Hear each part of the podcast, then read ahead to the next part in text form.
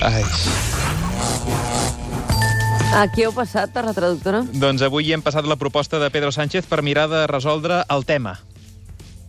La crisis en Cataluña solamente se va a poder resolver votando. Pero, señor Tardá, lo que nosotros queremos votar es un acuerdo.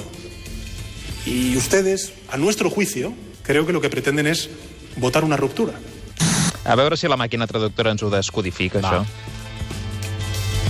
La crisis en Cataluña... La crisi a Catalunya només es podrà resoldre votant. Ah, això sí, votant només entre opcions que ens vagi bé, eh? Eh, És, és un truqui que em va funcionar amb les nenes quan tenien dos o tres anys. Eh, Els deia, avui decidiu vosaltres què voleu per dinar. Trieu bròquil al vapor o bròquil amb beixamel.